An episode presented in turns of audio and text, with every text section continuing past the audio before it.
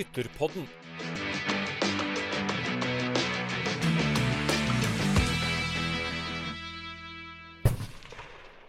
Sommeren er i ferd med å gripe om seg, men Skytterpodden den hviler ikke. Så enten du har fri og masse tid, eller skal jobbe litt til, så har du nå uansett muligheten til å sette av noen minutter med ro for å lytte til en ny episode. Jeg, Henrik Jonassen, ønsker hjertelig velkommen, og jeg har som vanlig storfint besøk.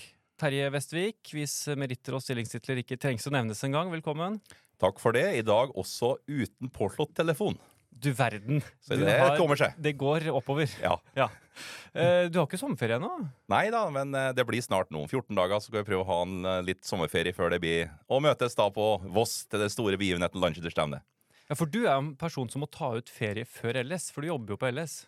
Vanligvis så klarer jeg bare å ta ut to uker. Men jeg skal prøve å lure meg til tre uker, men det blir med noen telefonsamtaler til Voss. Det er det ingen tvil om. Tipper det bare blir to, ja.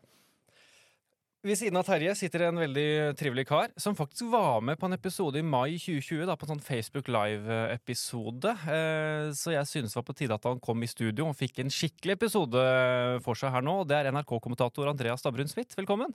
Hei, hei. Takk. Du jobber jo også ganske mye om sommeren, egentlig. Du har hatt fotball-VM skal kommentere og litt sånn. Får du sommerferie? Jeg har ikke hatt uh, tre uker sammenhengende i juli siden jeg var 15 år. Et par år siden, da. Er et par år siden. Hvordan er det? Er, det, er det kjipt? Det er jo en sånn livet er. Så jeg vet ikke om noe annet. Nei. Det er like greit, kanskje. Ja, Andreas, Du kom for alvor inn i folks hjem da du fikk eh, den oppgang, oppgaven mange tenkte kanskje var umulig da du skulle hoppe etter Kjell Kristian Rike. Eh, dette var tilbake i 2008, og på de 15 år som har gått, så har det blitt mye skiskyting, fotball og skyting. Kanskje i hvert fall de tre idrettene vi kjenner deg mest ifra.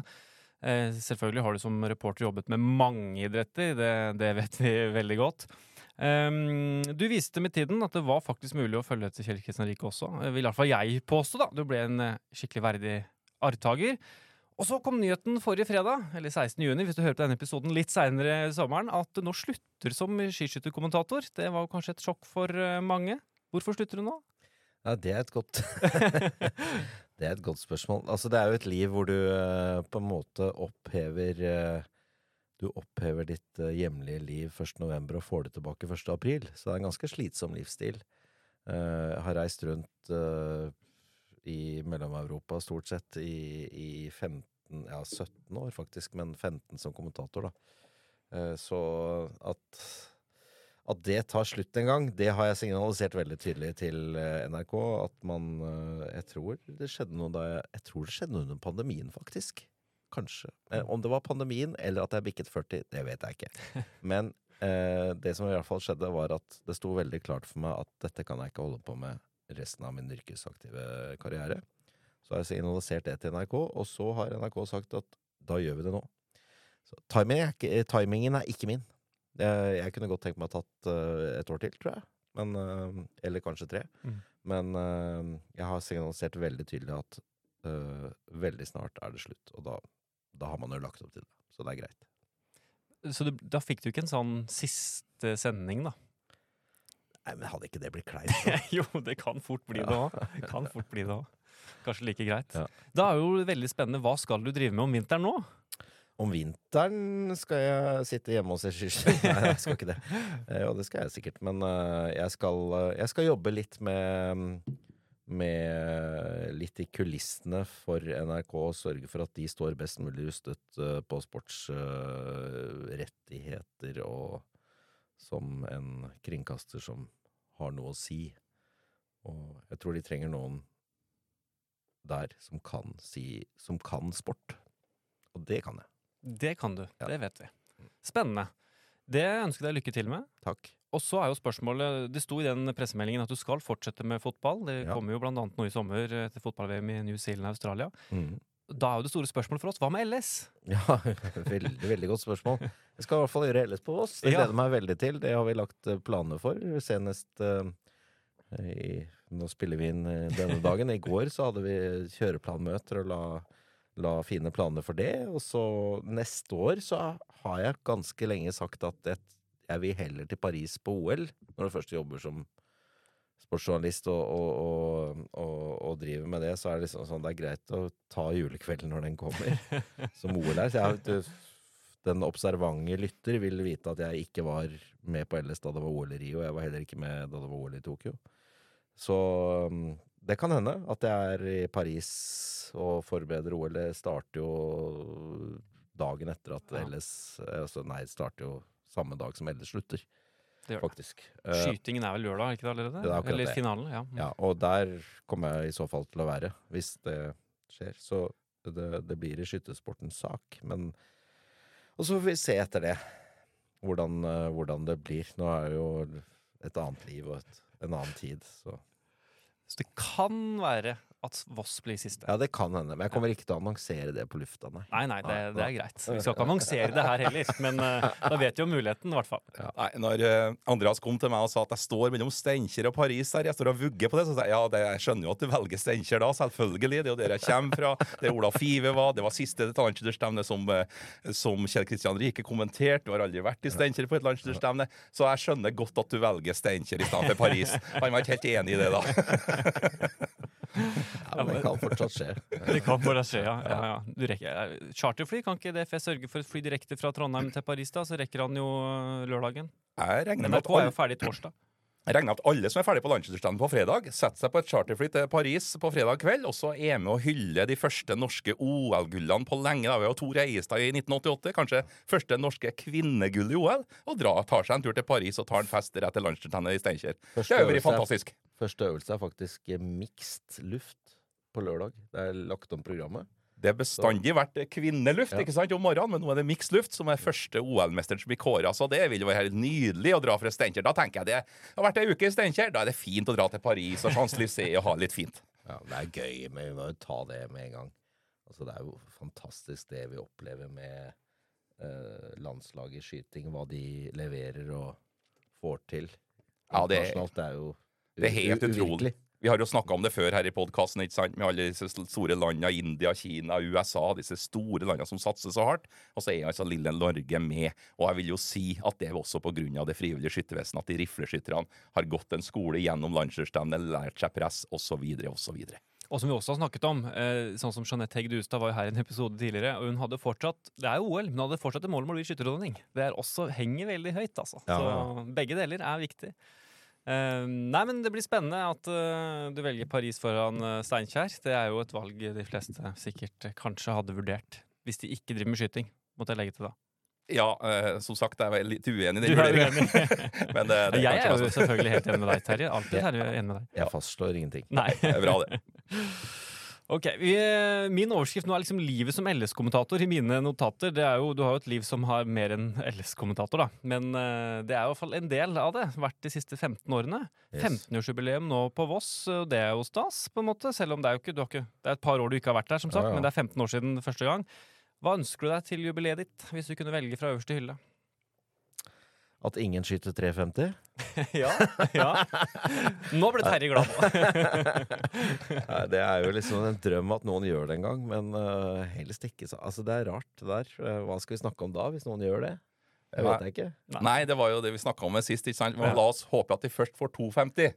Og så Ja, ja. 99, og så Ja. får vi 3,50, så vi får delt det på to ganger. Ja, det Men uh, det blir jo historisk, de som skyter 2,50. Og, og igjen da, til Steinkjer har jo antyda at Steinkjer ligger litt bedre an, fordi at banen der er 196 meter. Kanskje disse fire meterne som gjør at det blir 10-0 i stedet for 9-9.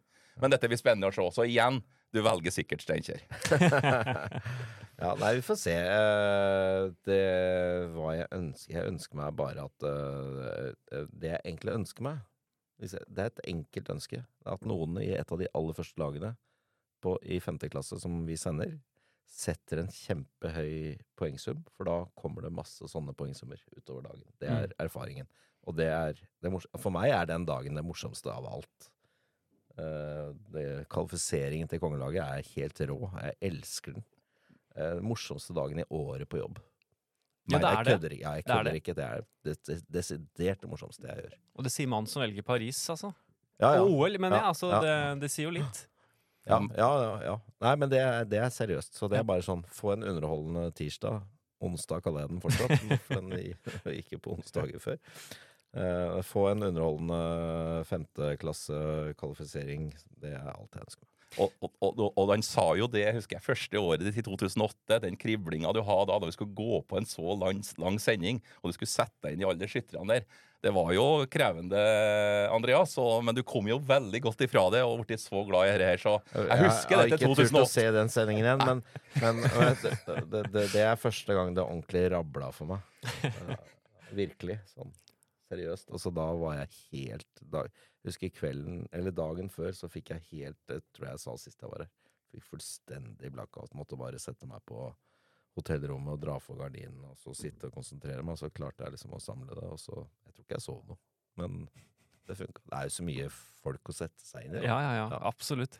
Jeg snakka faktisk med en meget god og nær medarbeider av deg her uh, i går, Ja, som heter Ola Lunde. nettopp. Og han sa jeg tror aldri jeg har sett en person så nervøs som Andreas dagen før uh, den uh, kvalifiseringsdagen. Det er korrekt. Ja. Ehm, og så, så nervøs blir jeg. Altså, jeg blir ikke nervøs lenger, men jeg, jeg kan Jeg kan ta, ta etter å savne det. Samtidig er det deilig å ikke bli så spent. Det han også sa, var nettopp det du nevnte, som du så vidt nevnte sist også, at um, du jobbet jo hele natta, Mm. og du kom til dagen med den oversikten du trengte til at det ble en bra sending.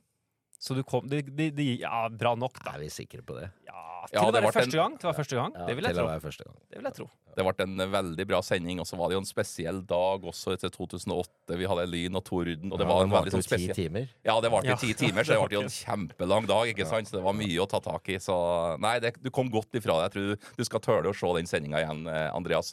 Forutset, forutsetningene er jo ikke så gode, ikke sant? Altså, dette Det har jeg jo sagt, jeg sier det på spøk. Men eh, det er jo litt sant òg. Landsskytterstevnet er en folk, er folkefest. Altså folk som er glad i å skyte, og gjerne fra bygda i Norge. Og jeg er pasifist fra Sankthanshaugen. Dette passer jo overhodet ikke. Men jeg er blitt jævlig glad i det, også. Jeg vet du er blitt glad i det. Og det, og det er kjempestort at Andreas Stavrum Smith, en så betydelig som du har blitt nå i NRK, sier det er det artigste jeg gjør til denne tirsdagen på landslagsstevnet i innledende skyting klasse 5. Som for det norske folk, idrettsglade folk, kanskje tenker at hva er dette for noe? Men det er et godt stempel å få fra Andreas at det vi holder på med, er så høyverdig og så flott og så spennende. Og det er ektefølt.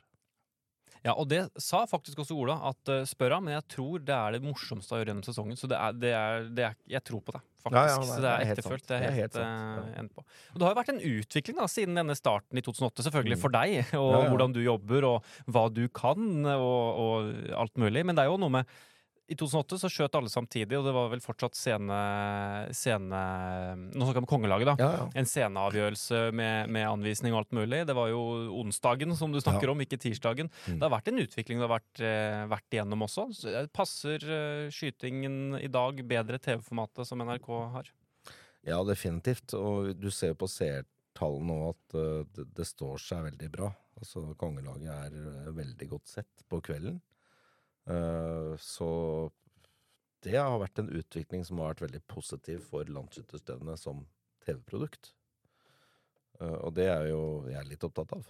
Så jeg, husker jo faktisk vi var i, i Førde. Skal ikke oute folk, men uh, vi hadde en veldig veldig flink produser som jobbet med landsskytterstevnet mange år, Nikolai Sørensen. Og han sa det etter den uh, sceneanvisningen i Førde, så sa han, sto han tok en røyk, så sa Det blir siste gang, sa han.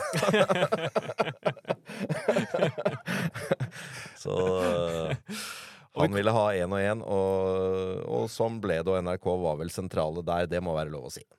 Ja da, og Ola Lunde var også da Jeg vet jo at han var i styremøte, faktisk fikk lov til å komme inn der og fortelle om eh, de nye grepene som det antallet var nødvendig å ta. Og styret lytta godt til eh, hva Ola var og fortalte, og NRK-teamet ønska seg. Og det samspilte jo også med det Kjell Kristian i sin tid sa til meg. Vi skulle ha skutt kongelaget én og én, men det tør jeg ikke å foreslå, for det blir antallet mye bråk med like forhold osv. Og, så og det ble jo også det. Mange har jo vært imot det fram til i dag. Mange forventer jo fortsatt at vi skal gå tilbake og skyte samtidig pga. forholdene. Men for TV-produktet så har det vært en suksess, denne spenninga nå med å se skiva, se skytteren, se familien som følger med for én og én. Vi trekte jo ut en, en skyting på 75 sekunder til en sendetid på en time. Nå er det skyting som foregår den timen. Så det er nok en point of no return for dem som ønsker seg å få dette likt igjen. Dette har blitt en veldig fin greie for TV, og det har faktisk vært en fin greie om vi ikke hadde TV lenger òg, for oss å gjennomføre på Landslagsstevnet nå. Helt sikkert.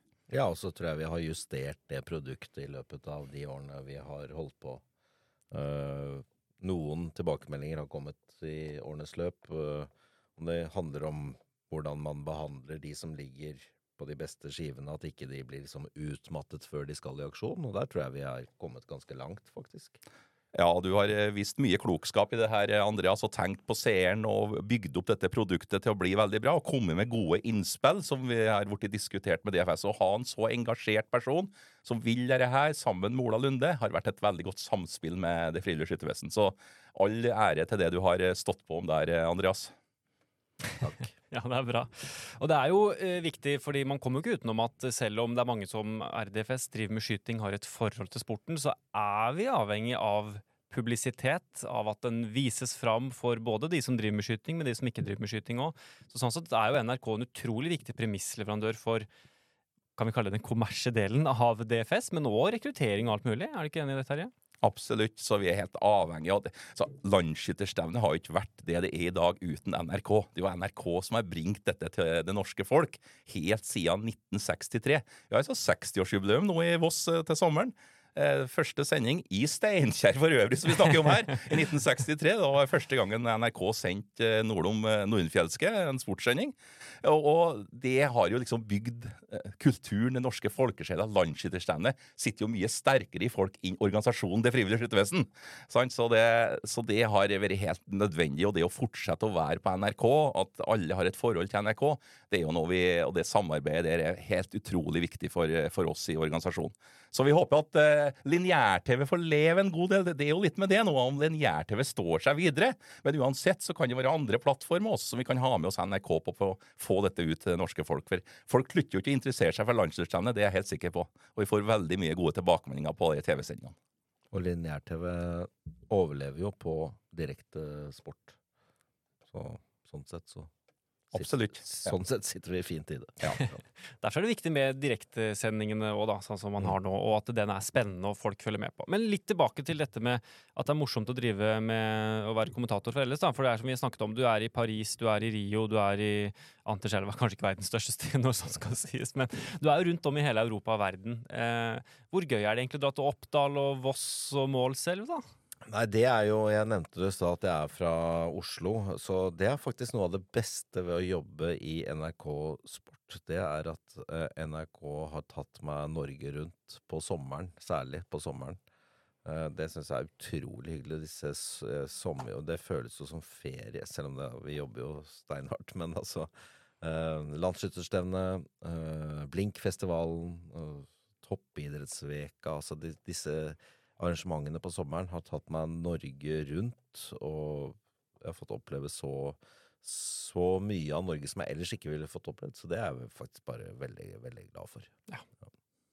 Eh, Jeg skal også trekke oss litt tilbake til eh, fra 2008, hvor du begynte å forberede deg for første gang, og det ble litt mange navn du skulle gjennom, og det var litt voldsomt. Mm. Men sånn som i dag, da, er det mulig å liksom, ta lytterne inn i kort? Hvordan er det du forbereder deg til et LS i 2023? Ja, Den gangen så trodde jeg at jeg måtte vite noe om alle, og det var jo veldig, veldig, veldig slitsomt. det er jo et par navn.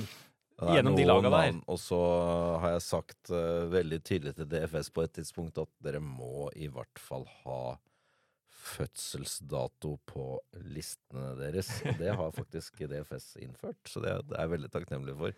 Uh, det er greit å vite eh, Hvis du heter Henrik Jonassen, så kan du være 80 år, og du kan også være 20. Det er helt korrekt. Ja. Ja, du er et sted midt imellom. Midt mellom, ja. ja. Snart. Nei, ja, snart. I hodet er jeg vel Ja. i ørealderen, men det er en annen sak. vært eh, samme her. Men, men altså, så det er liksom eh, Det er greit å vite i hvert fall det. Mm. Er det en eh, førsteårs eh, senior, eller er det en som har vært med i 100 år? Mm. Så noen sånne ting er greit å, å vite. Er, jeg forbereder meg på en helt annen måte i dag, og det kommer jo litt av at nå har du vært med så lenge at ok, du vet om veldig mange av disse navnene fra før, og hva de har gjort og sånn, og så tror jeg internett har blitt litt annerledes enn det var i 2008. Så, liksom, så nå kan jeg, etter en norgescuphelg, så går jeg inn og så leser jeg resultater og holder meg oppdatert. Og, og vet litt mer underveis enn Mm. det jeg visste. Mm. Og så har det jo da blitt en, en interesse i, i mye større grad enn det det var den gangen. Så liksom, det, det faller litt mer naturlig, da. Mm. Mm. Ja, for du følger med gjennom sesongen? ja, ja. Ja. Gjør det.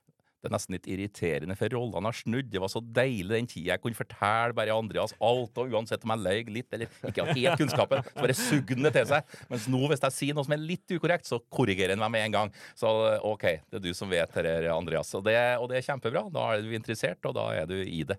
Far- Veldig flott. Faren med å si noe som er ikke helt sant, Andreas, er at han husker det. Han kan faktisk si det på sending.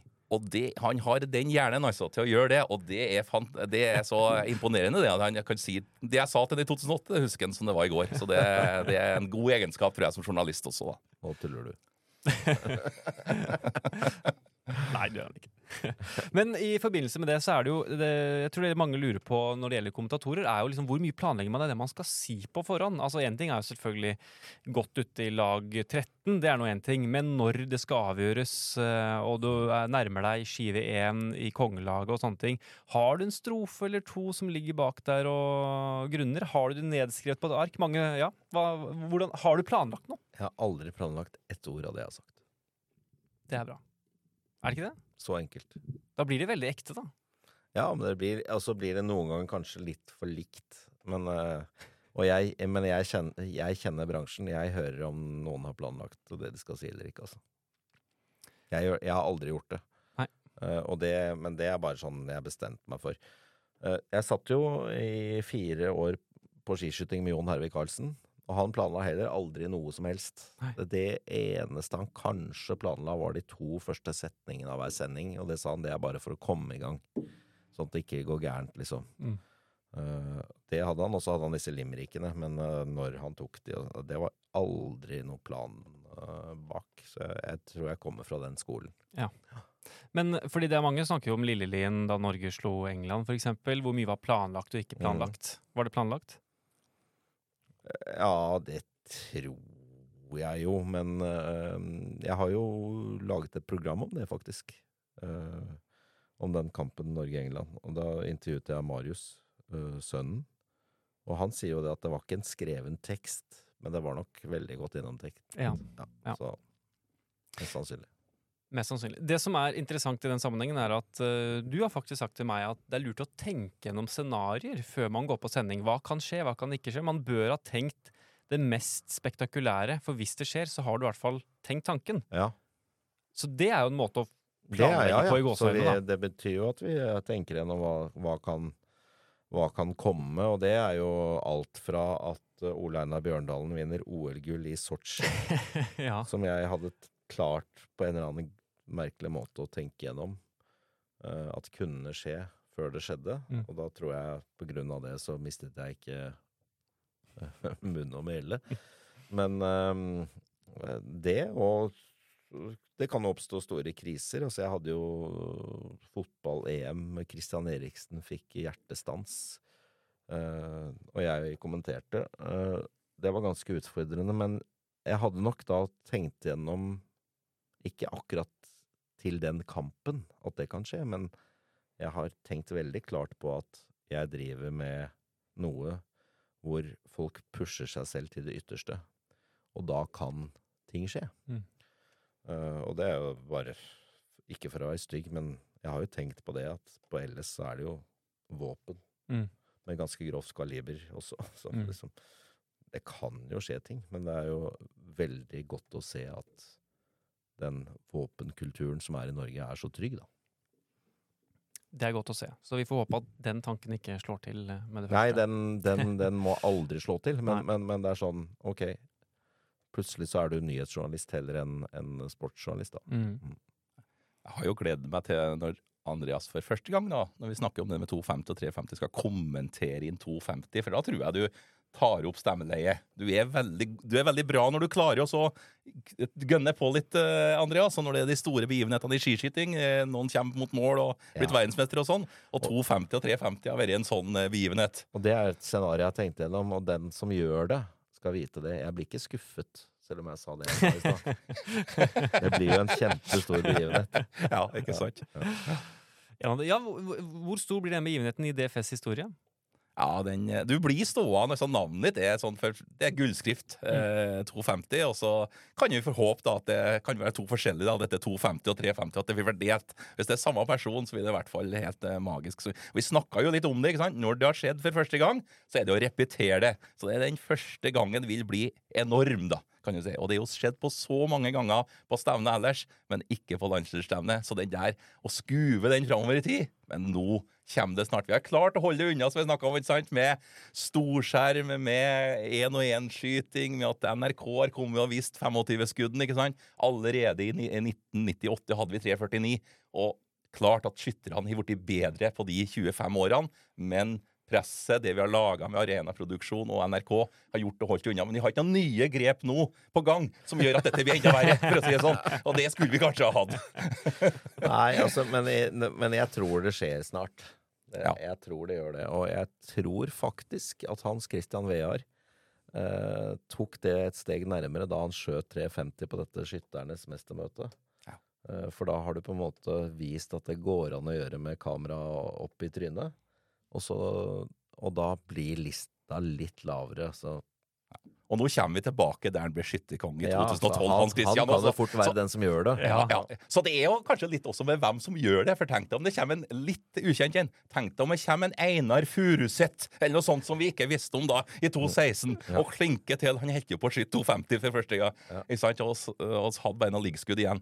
Så det, det kan jo være noe sånt også. Men eh, det er jo det som er det fantastiske med DFS, at det kan være ganske mange. Men nå, ja, det leiter på på dette grunnlaget, tror jeg, når de har hatt 150, for dem som ikke er vant til det fra før. Og alle sammen. Tror det blir en ganske merittert skytter. Det blir spennende. Fordi selv om det, kommer, selv om du er merittert òg, og man er vant til LS-spenningen, så er det Når du ser det eh, kamera, skinnekameraet fra NRK kommer rullende foran Aldri opplevd det? Nei, nei jeg vet det.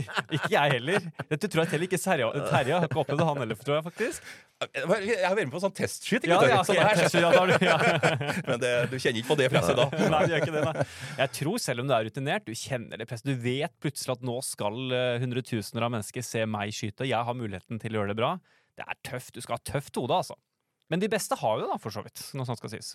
Ja, så tenker jeg det er jo veldig ofte sånn høysommer og innmari varmt under skyterdressen. Altså, det spiller inn, og det spiller jo inn på det fysiske òg. Altså, med puls og hvordan kroppen håndterer det. Så, så det, det, er, det er mye som spiller inn. Ja. Og dette har jo snudd også fra vi begynte første gang i 2005, da du så frykten i øynene i flere år ikke sant? på de beste skytterne. De er litt eldre, og de har kanskje den frykten ennå. Men de unge som kommer opp i dag, vet ikke av noe annet enn at det skal være skinnekamera og gå inn og sånn. ikke sant? Og da, da var jo sjøl ha den jobben å gå inn i oppropsteltet og fortelle om 'slapp av, dette går bra', om det er skinnekamera og sånn. ikke sant? I dag har jo det vært litt latterlig. Folk vet om det, og, dem- og de mest offensive også ønsker at kamera skal komme på seg. De sa Kamera kom ikke på meg. Da ble jeg nesten litt irritert.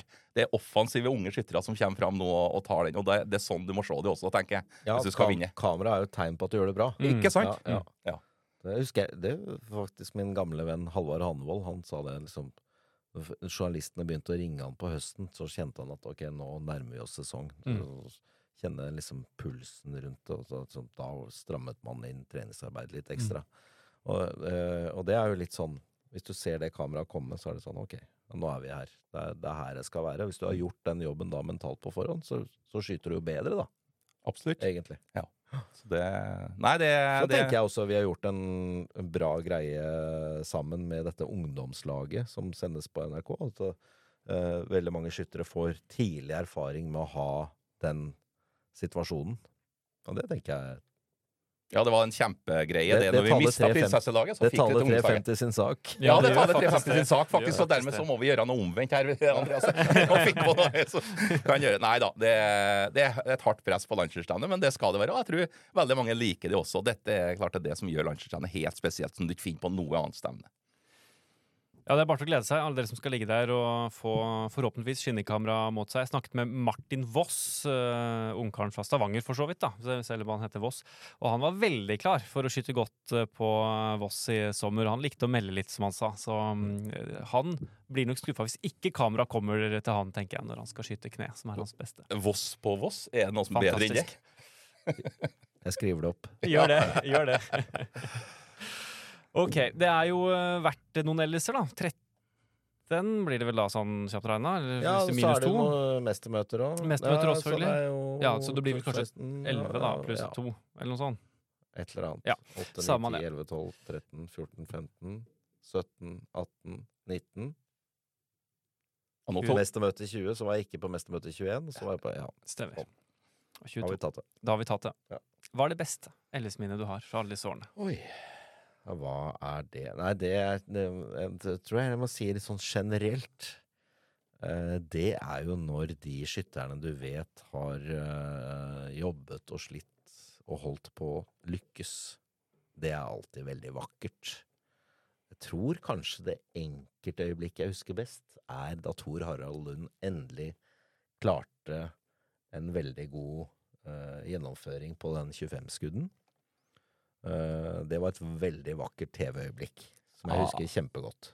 Ja, da Christian ja. Nirke-Smith fikk klem, var det ja, det? Ja, Tor Harald, rett på sending. Så det er sånn ja. uh, umiddelbart det øyeblikket jeg husker aller best. Men det er jo bare så enkelt som i fjor at Kim André blir skytterkonge uh, etter å ha gått og følt på det han har følt på siden sist han ble, ble det. Uh, det er jo bare sånt Eh, deilig, forløsende øyeblikk som man uh, syns det er veldig stas å få lov til å formidle og være med på. Veldig artig at du sier det, egentlig, for det var en liten teaser til det jeg har tenkt på som neste episode. For da skal jeg snakke med, etter planen, Ole Kristian Bryn og Eline Lillegård om det å jage en kongetittel. De som har jobbet og jobbet over mange, mange år og ikke har lykkes. Hvordan er det å komme til et nytt LS, og du skal jage denne tittelen din? Så det er faktisk veldig interessant. Det er jo mange der ute som har kjempet i så mange år med å ta denne kongetittelen. Ja, og så er det jo veldig mange som har gjort det du sier. De har jagd uh, og holdt på, liksom uh, trodd de er klare, og så kommer de til dagen, og så har de ikke klart liksom akkurat den mentale forberedelsen til å stå der og kjenne at det dunker. Det er jo det som er så fascinerende med skytesporten. At uh, du kan bli satt ut helt av bare en liten følelse eller et eller annet. Og Ole Kristian er jo definitivt en fyr som, som, som har jobbet hardt. Han lyktes jo på Voss. Du verden. Ja da, ja, gjorde den det. Ja. Men, men uh, Og nå ser jeg han er i form, så nå, har jeg litt forventninger. Men uh, ja, du verden. jeg vet ikke om Mesternes mester uh, tar bort det blir spennende. Ja, det blir spennende. Ja. Han skal jo være med på Mesterens mester. Det har jo kommet med som nyhet, så det er jo kjempemessig. Så det, det blir gøy. Ja. Da er det naturlig, da. Det her blir nesten sånn jobbintervju, følte jeg nå. Hva er ditt verste LS-minne? For da har jo det, noe må ha gått uh, dårlig? Ja da, det har gått uh, dårlig uh, stort sett. stort sett? Nei, det har det nei, ikke. da, det har ikke det. Men uh, nei, vi har jo noen. Jeg har sagt Jeg tror jeg sa det sist. Jeg ja, du har nevnt en gang sist. 2013 Oppdal. da hadde vi en omskyting som foregikk uten at vi som kommenterte det, ble innvidd i hvordan det gikk underveis. Det var jo litt spesielt. Det var ingen god følelse. Jeg tror alle var enige om etterpå at uh, denne sendingen bare glemmer vi. Så og så Og så går vi videre. Jeg tror ikke jeg var sånn kjempeblid på Terje da. Men, uh, Nei, Oppdal 2.13 kan jeg nå fortsatt uh, våkne av mareritt om natta for. For det skjedde ja. jo så mye før Andreas og gjengen kom, ja. og med den vinden som var der og alt det. Så det, det var en knallhard uke, altså, må jeg ja. si, med det som skjedde da. Og første jeg gjorde da jeg kom, ja. første jeg gjorde da jeg kom til Oppdal, kom inn på, på, på arenaen, det var å gå i et av de teltene og kjøpe ullundertøy, for det var så innmari kaldt der. Ja. Så ja. det satte liksom tonen for uka. Og det var, jeg kan ikke huske at Var det sol der? Nei. Jo da, det var litt, men det var, det var, det var ikke, det, det ikke vi husker fra Oppdal. Jeg, jeg, husker, jeg, jeg, jeg, men det er ikke noe til Oppdal. Det er, ikke Oppdal sin feil, men Nei. det var bare værgudene var ikke med oss, og teknikken var ikke med oss. Neida. Og så kan jeg ta med at Hvis blikk kan drepe, så var det det Andreas ga meg da etterpå. For han mente at dette har vi surra til, men det var også noen fra deres produksjon. Altså, Vi er ikke helt enige i hva som gikk gærent der i den eh, omsetninga, men det ble jo kåra en vinner og alt det der. Men TV-sendinga ble nok kanskje ikke som jeg tenkte akkurat det året, nei. nei. Nei da. Men uh, livet går videre. Sendt er glemt, som det heter i TV-bransjen. Så Men det er nok det verste, ja. Uh, og så Ellers så er det mye veldig mye hyggelige minner, altså. Det- Det er jo bra, da. Det er jo sånn det skal Ja. være. Og jeg så litt på 2013-sendinga her som oppvarming til denne episoden. Ja. Er ikke så gæren, altså.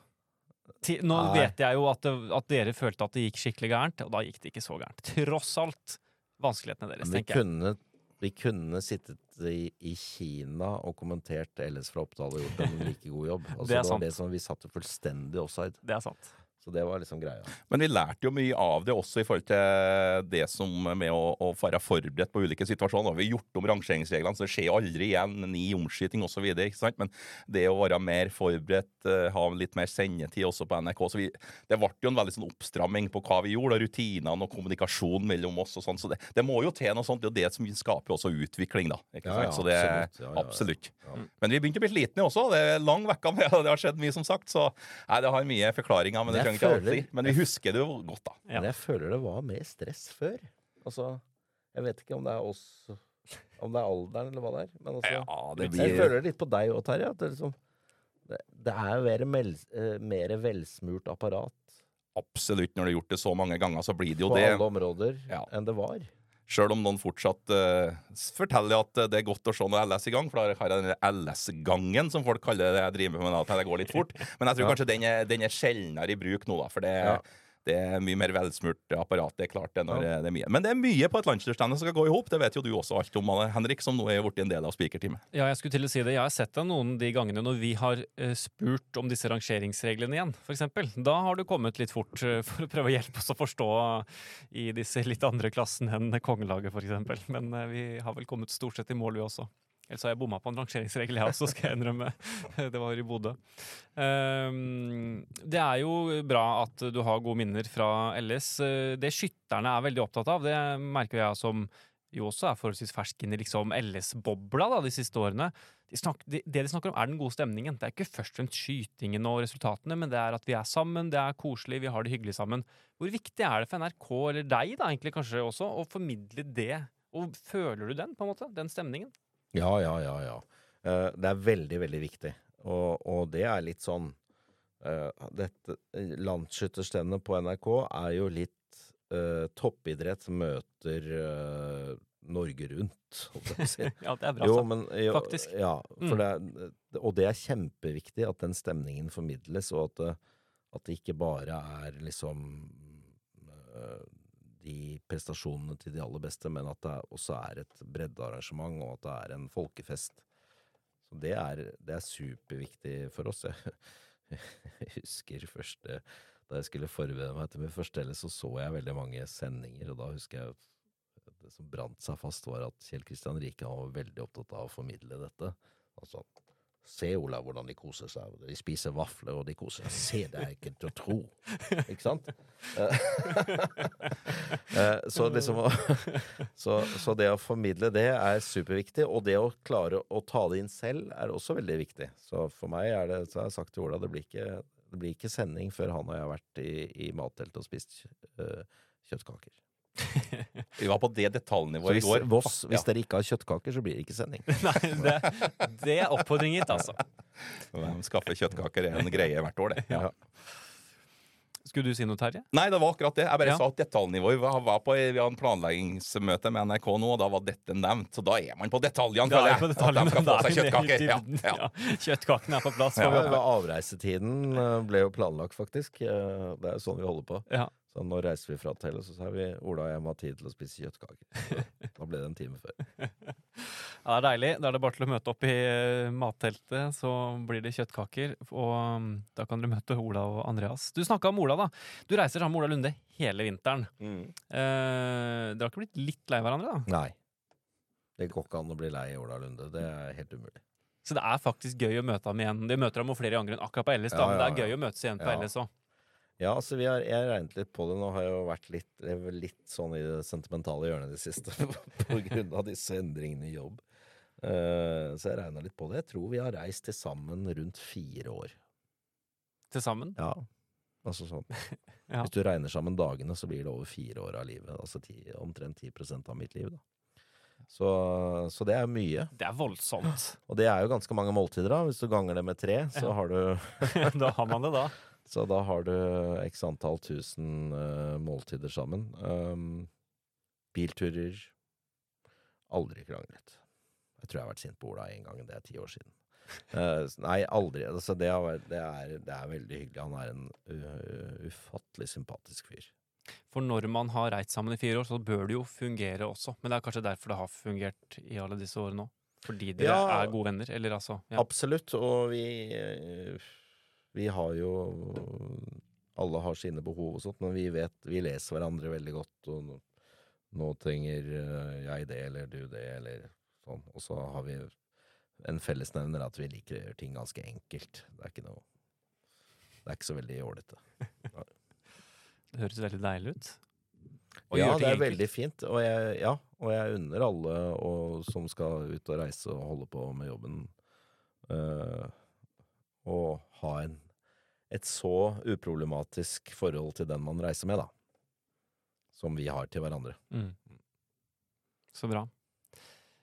Vi har vært innom eh, det du og Ola, og Ola og Kjell Kristian og Per Jorseth og alle de andre i NRK har gjort for LS eh, opp gjennom eh, tidene. Merker du, Andreas, på noen måte interessen fra LS i din jobb? Altså, En ting er som skiskytterkommentator, men som skytterkommentator? Det morsomme er jo at uh, LS har jo litt sin egen tilhengerskare. Så det, plutselig får man kommentarer på det heller enn noe annet man har gjort. Eh, og det syns jeg er kjempegøy. Altså, noen, noen liker bare å se det, og det er det de ser av sport i løpet av et år, tror jeg. Mm. Så ja, absolutt. Jeg får, eh, jeg, jeg får eh, absolutt mye kommentarer på landsskytterstevnet og det vi gjør der. Det er kjempegøy. Og vi vet at du får kommentarer på jobben som kommentator også, for uh, ryktene gikk om at dere møtte en på veien hit som eh, kom til å savne deg. Var det Ja, altså, billettkontrolløren eller noe sånt? ja, jeg, jeg mente først det var Nå sitter jo Terje her med da, den frivillige skyttervesen på trøya si, og jeg sitter med NRK Sport. Så jeg mente han så på Terje og sa dette er greit. Altså billettkontrolløren på toget. Eller konduktøren, som det heter.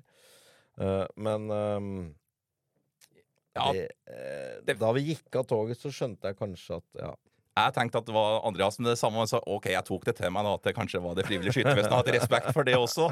Vi, trang, vi slapp å vise billetten, for å si det sånn. Tenkte han var skytter, Ja, jeg vet ikke. Det tror jeg ikke han var. Men han, når vi gikk av toget, så sa konduktøren i hvert fall jeg kommer til å savne deg, Andreas. Og det var jo så fint. Nesten sentimentalt øyeblikk der, altså. En fin start på dagen, det. ja, ja, det er drømmestart. Ja, så Det sier litt om hva du har betydd for folk, både i LS-sammenheng, tror jeg, men andre også, naturlig nok. Um, har Andreas blitt involvert i prosesser og endringer i, på LS og skytesporten på samme måte som Kjell Kristian Rike ble involvert, eller involverte seg? Ja, det er klart at vi er jo et god samarbeidspartner i NRK, og de er jo veldig tett på. Og Andreas og meg snakker jo ofte sammen om, om, om grep og hvordan det skal gjøres. ikke sant? Og han, og han er engasjert, og han er veldig klok. Så dermed så har jo det blitt helt naturlig. Og det å samarbeide også med Ola Lunde og produser Reidar Stjernen Dette er kompliserte ting som skal funke også for seeren. Så dermed så har de vært med på sånne prosesser, og vi har jo blitt veldig tette med å, ringe og se på og hele tida gjennom vinteren holde varmt, snakke om skyttere osv. Så, videre.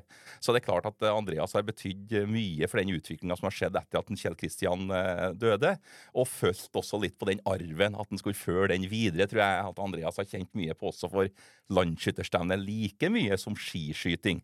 Så det er all ære og takk at man For vi kunne ha fått en kommentator som har bare 'Hvordan skal vi gjøre det?' OK, jeg bare tar det sånn, og ikke vært så engasjert. Så det at eh, Andreas har vært så engasjert, har eh, betydd mye for eh, DFS, vil jeg si, at han har vært med i den loopen. Og skjønner også skytterens interesser. Det er ikke bare NRK. det Kan være den første som sier 'Dette skulle vi ha gjort, Terje', men her går det på skytterens bekostning, så det kan vi ikke gjøre. Så mange mener jo det at NRK styrer på og får igjennom ting til styret og sånne ting, men det er mye også som blir stoppa, fordi dette går over grensa. ikke sant? Som kanskje seerne syns det er veldig fint, så er det sporten og verdigheten. Og, vi har jo ikke gjort noe med sporten som sådan. altså 25 skudd ned, finaleomgangen, alt har jo vært likt der siden, eh, siden ja, som vi har snakka om tidligere, var 1972 siste lille justeringa. Så det sportslige er jo gjennomføringa der er jo likeens, selv om det er noen sånn tekniske grep og det med å skyte én og én i kongelaget osv. som er gjort. Men det tror jeg har høyna TV-produktet, men altså høyna produktet for oss som er på arenaen og føler kongelaget, det som skjer nå. Så eh, nei, jeg har mye og godt å si om eh, engasjementet og alt det Andreas har vist eh, overfor Det frivillige skyttervesen. Veldig bra. Og sammen da med Ola, som har vært skytter sjøl også. Så en pasifist fra Sankthanshaugen kan bidra mye faktisk også til Det frivillige skyttervesen. Kommer i hvert fall fra utsiden, da, for å se det med nye briller. Ja, det er, det, det er litt forskjellen på meg og, og Rike. Det er veldig mange forskjeller på meg og Rike for øvrig. Men uh, en av forskjellene er jo at han, han kom fra skyttermiljøet, og uh, jeg tror han vegret, som du sa tidligere, Terje, vegret seg litt for å liksom gjøre for store inngripener. Og så uh, er jeg mer utenfra og sier at sånn og sånn burde det vært. Uh, og så er det viktig å understreke at jeg tror aldri vi har stilt noen krav. Det er helt jeg riktig. tror aldri vi har sagt at sånn må det være. Sånn der eller der eller der. Men litt eh, litt intense rådgivere har vi nok vært noen ganger. Og så for meg handler det om historiefortelling og, øh, og formidling. Og da er det litt sånn For eksempel i disse rangeringsreglene så har jeg vært ganske sånn tydelig på at Terje, men dette, dette forstår ikke folk hvis dere gjør det sånn eller sånn. Eh, Men kanskje hvis man gjør det sånn, så blir det tydeligere, og da blir det lettere for meg å forklare til seerne hvordan ting henger sammen. Så det er litt motivasjonen for de innspillene vi kommer med. Ja, og det, det er viktig at uh, vi trenger også innspill utafra, og kommer med god rådgivning, og så tas det med i ens total helhet. Men det vi trenger sånne som også ser oss utafra, og som er gode til å gi innspill om hvordan vi skal gjøre. Som Forsvaret gjør med god samarbeidspartner. Vi har jo mange samarbeidspartnere som vi i det frivilligheten jobber mot, som gir oss gode råd, og så vurderer vi dem, og så gjør vi eventuelt endringer på bakgrunn av det. Så det, det er akkurat sånn det skjer, Andreas. Ja. Og det kommer jo eh, ny utvikling også. Stang felthurtig er jo, blir i år hva skal si, gjort eh, direkte i opptak, eller live on tape, som det heter i Mhm. TV-bransjen. Hvor man spiller det inn som om det skal være direkte, men med mulighet for å kunne gjøre noen justeringer i etterkant. Men med det mål om at det faktisk skal sendes direkte. Ja. Det er den videre utviklingen. Ja, det er jo litt sånn i, i, i moderne tid så må ting gå egentlig direkte. Ja. Så det har jo vært en utfordring med, med stang og felthurtig, at det liksom det strekker seg utover litt tid, og liksom Det, det er litt sånn seigt. Litt for seigt å sende direkte. Og så utfordret vi dere for noen år siden, og så prøvde vi i fjor. Jeg, jeg syns det var fra et TV-perspektiv ganske vellykket, og så har jeg skjønt at på arena så var det litt seigt fordi at det var delt opp i to, og så, og så jobber vi oss videre mot å finne noe som alle er happy med. Ja, det, det er veldig mange forhold ikke sant, med den stang- og feltluften. Og nå har vi også fått eh, militærklassene med. ikke sant? Vi har fire gjennomføringer nå med både stang- og felthurtig for uh, Sauer og også for HK416. Eh, så det er noe med å få dette på en direktesending. De har 1 time og 20 minutter eh, NRK skal sende dette på. så Og det er lenge, altså, i moderne medieverden. Veldig lenge. Og det er jo en fantastisk TV-tid. Jeg tror vi eh, nå så at det var 21.20 til 22.40 eller noe sånt nå, eh, nå til sommeren. Eh, Men altså, det jobbes da mot at vi kanskje da i Steinkjer, som kanskje du ikke blir med på, Andreas, eh, skal, skal, ha, skal ha det som en direktesending eh, live på kveldstid. Dette medfører jo en del ting, selvfølgelig kanskje vi har ha lys på skivene også der, og så sant? men det er med at sport er live, som Andreas sier, og det, det har vi prøvd å jobbe mot. da, Men i år så vil det bli en klar deling. Vi kommer til å kjøre en semifinale og en pause. eh, Der vi går fra 16 til 8 skyttere i Sauer-klassen, 8 til 4 i militærklassene. Så får vi en god pause før denne direktesending, eller live on tape, da, som du kaller det her, blir gjort på NRK. Litt også med at i Voss så er ikke sittetribuner Henrik. sant? Det er komforten til alle publikum som kommer, at de må få seg en pause. Og da har vi da eh, skogsløp med skyting i mellomtida, da, eh, NM skogsløp, og så kommer folk tilbake og ser de, de siste skytterne, da. Så det, det er gjort noen grep der også, også med grunn av at vi nå har, får vist fram disse militærskytterne, som er fantastiske også på TV. At vi har fått med HK416, og at de er blitt adskilte klasser nå.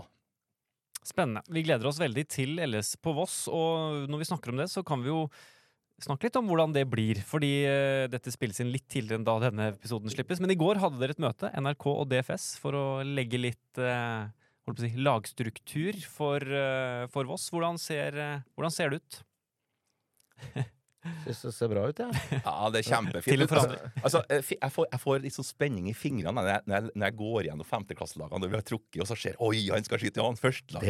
Oi, han skal skyte i andre. Altså, det er så høytid. Det er som å åpne presanger på julaften. Ja, det er faktisk det, altså. At det er Jeg er onkel til en som er så gleder seg sånn til skyterne kommer. For han liker godt å se igjen og lese og pugge, vet du. Alle lagene, hvem som skyter i det laget, hvem som skyter i det laget. Har liksom en trening på det. Og det er morsomt at det er, og det skaper noe. Gjør det større enn det er. Altså, dette er stort.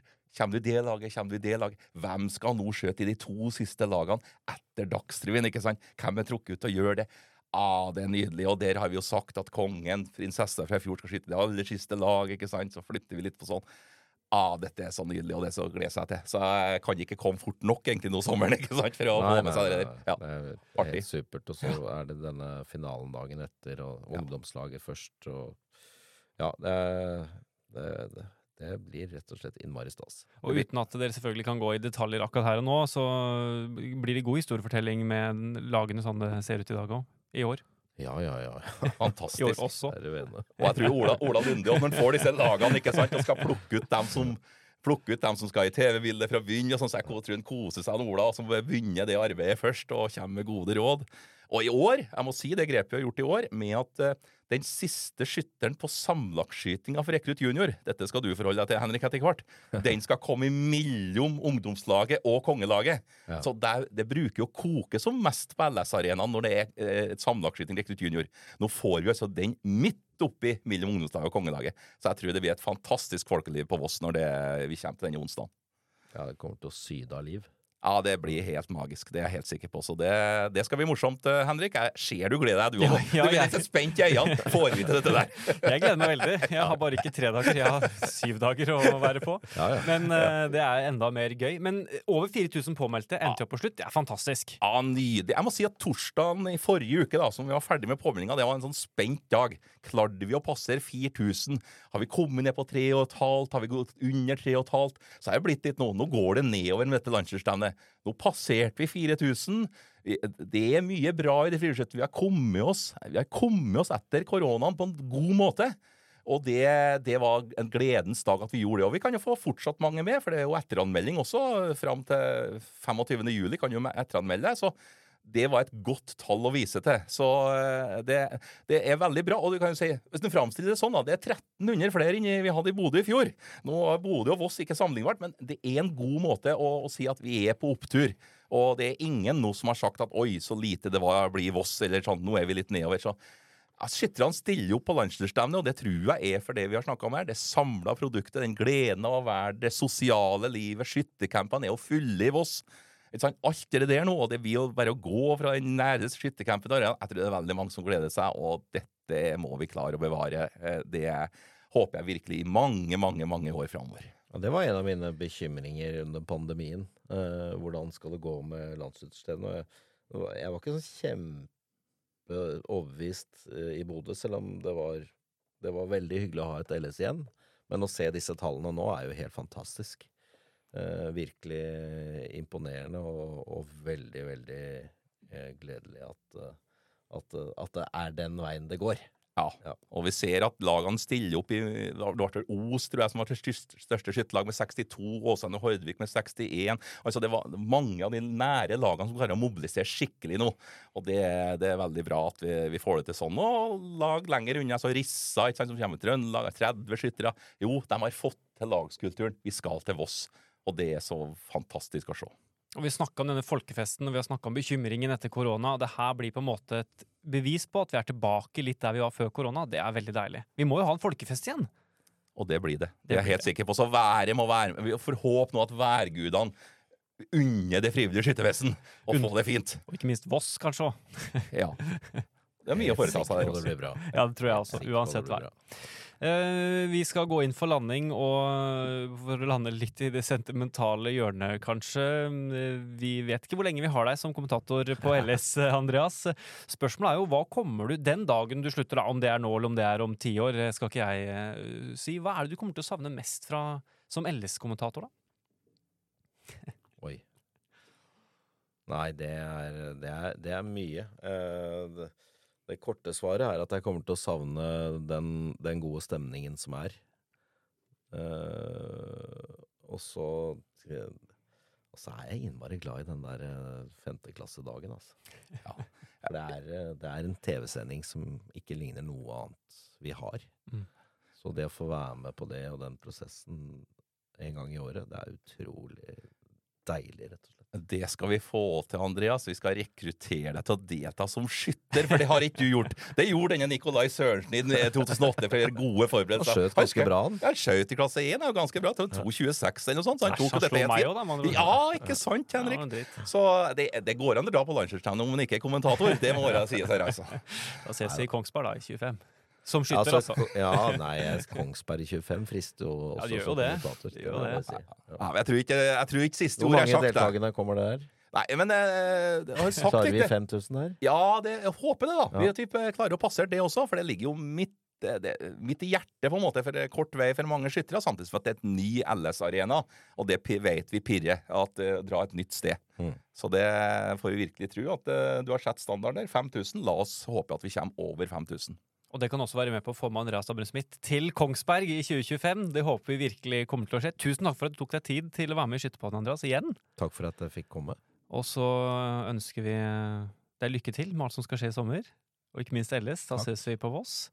Eh, vi er veldig glad for at vi får høre deg der, men eh, det er bare en drøy måned, eh, Terje, så er vi i gang eh, på Voss, rett og slett. Har du noen avsluttende, oppfordrende ord til alle skytterne som skal reise til eh, den store staden i vest? Nei, Det er bare å glede seg for alle sammen og gjøre de siste forberedelsene og nyte sommeren. Nå har den jo kommet veldig mange steder også, så vi får tro at det ikke blir for tørt. Men nå har det jo begynt å regne ganske mange plasser, da, så skytebanene holdes åpent. Folk gleder seg, folk koser seg, så det er bare å glede seg til alt som skjer i Voss. De er godt forberedt. Deilig å høre. Vi tar ikke sommer i Skytterpodden, men vi kan likevel eh, i dag ønske riktig god sommer.